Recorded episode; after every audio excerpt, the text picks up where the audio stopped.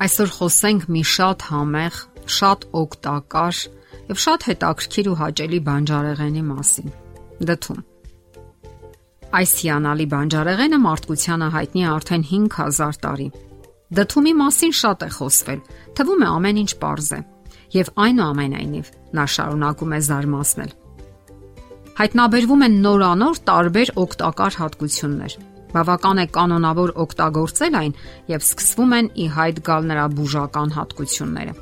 Պատճառն այն է, որ նա իր մեջ հավաքել է ամենահնարավոր վիտամիններն ու միկրոտարրերը։ Նշենք, որ այն դրական ազդեցություն ունի սիրտանոթային հիվանդությունների ժամանակ, այտուցների, սակավարյունության, ճարպակալման դեպքում։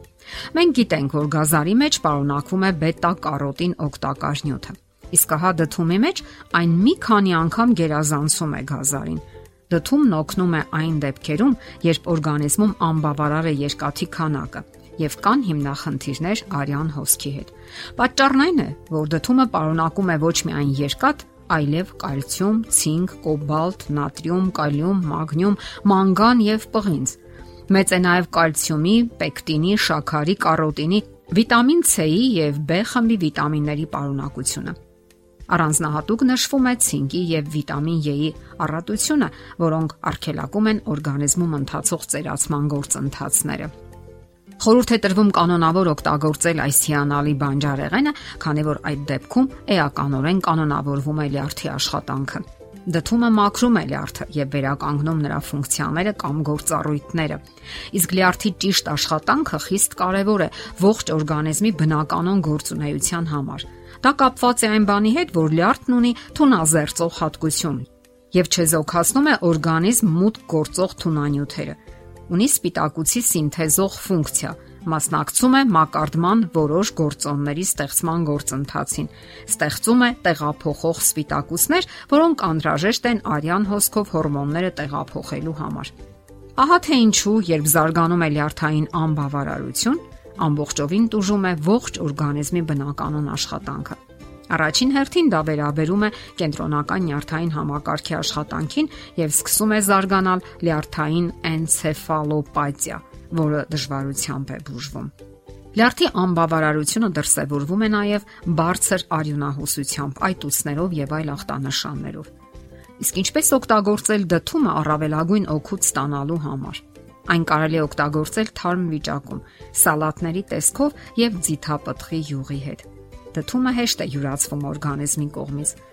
Հում վիճակում ուտելիս մասնավորապես վերանում են աղիների բորբոքումները եւ կանոնավորվում է լեղապարկի աշխատանքը։ Դդումի հյութը բարերար է ազդում ստամոքսի վրա բարձր թթվայնությամբ գաստրիտի դեպքում, ինչպես նաև արդյունավետ է կոկորդում մրսածության ու ցավերի ժամանակ։ Կանոնավոր օգտագործելու դեպքում վերականգնվում է օրգանիզմի ինքնակարգավորման աշխատանքը եւ օրգանիզմի համար ավելի հեշտ է պայքարել վտանգավոր բացիլների ու վիրուսների դեմ։ Դդումը կիրառում են նաև որպես միզամուղ ուրոլոգիական հիվանդությունների դեպքում։ Օգտակար է հատկապես շագանակագեղձի բորբոքումների դեմ որպես կանխարգելիչ միջոց։ Օգնում է նաև այն մարդկանց, ովքեր ցանկանում են նիհարել։ Նկատվել է, որ դդումի հյութը բարերար է կանխում կարիեսի զարգացումը եւ ամրապնդում ատամների էմալը։ Այն կիրառում են նաև մաշկային հիվանդությունների ժամանակ։ Այրված կամ բորբոքված հատվածում դնում են դդումի կտորներից պատրաստված շիլայանման զանգված։ Եթե մաշկի վրայի վերքերը սկսում են թարախակալել, դրանք լվանում են դդումի ծաղիկների թուրմով եւ վերքերն ավելի արագ են բուժվում։ Առանձնահատուկ խոսենք դդումի կորիզների մասին վաղուց է հայտնի դրանց ճիճվա թափհատկությունը։ Երեկոյան ուտում են 100 գրամ դթումի սերմեր մեղրի հետ, իսկ առավոտյան խմում 1 ճաշի գթալ գերչակի յուղ։ Ավելի լավ միջոց ճիճուների դեմ մինչև այժմ չեն հորինել։ Այդ սերմերը խորհուրդ են տալիս նաև հղիներին տոքսիկոզի ժամանակ, ինչպես նաև սովորական սրտխառնոցի դեպքում։ Սակայն ողջվում է նաև, որ դթումն իր օգտակարությամբ հանդերձ ունի նաև մեդալի հակառակ կողմը հակացուցված է ստամոքսի եւ 12 մատնյա աղիքի խոցի ցածր թթվայնությամբ գաստրիտի դեպքում, ինչպես նաեւ խորուրդ չի տրվում շաքարային դիաբետով տառապողներին։ Դթումն օգտագործում են նաև որպես բուժական միջոց երիկամների եւ լեղապարկի քարերի դեմ պայքարում։ պատրաստելով այն հեղուկ եղանակով։ Հեպատիտներից կամ ուժեղ դեղամիջոցներ օգտագործելուց հետո լյարդը մաքրելու համար խորհուրդ է տրվում ուտել դդում մեղրի հետ։ Այս դեղատոմսը օգտակար է նաև անքնության դեպքում եւ մտավոր բարձր ծանրաբեռնվածության դեպքում, երբ խմում են դդումի պտղամսի թուրմը մեղրի հետ միասին։ Դդումի սերմերն օգտակար են հատկապես տղամարդկանց, քանի որ դրանք հարուստ են ցինկով, կանոնավորում են շանակագեղձի աշխատանքը։ Ըստ բժիշկ Ուիլյամ Հարվեի, շագանակագեղձը տղամարդու երկրորդ սիրտն է Դդումի սերմը մեղմացնում է նաև սրտի ցավերը եւ օգտակար է շագանակագեղձի բորբոքման դեպքում միայն մեկ պայմանով, որ պետք է ուտել կանաչավուն թաղանթի հետ։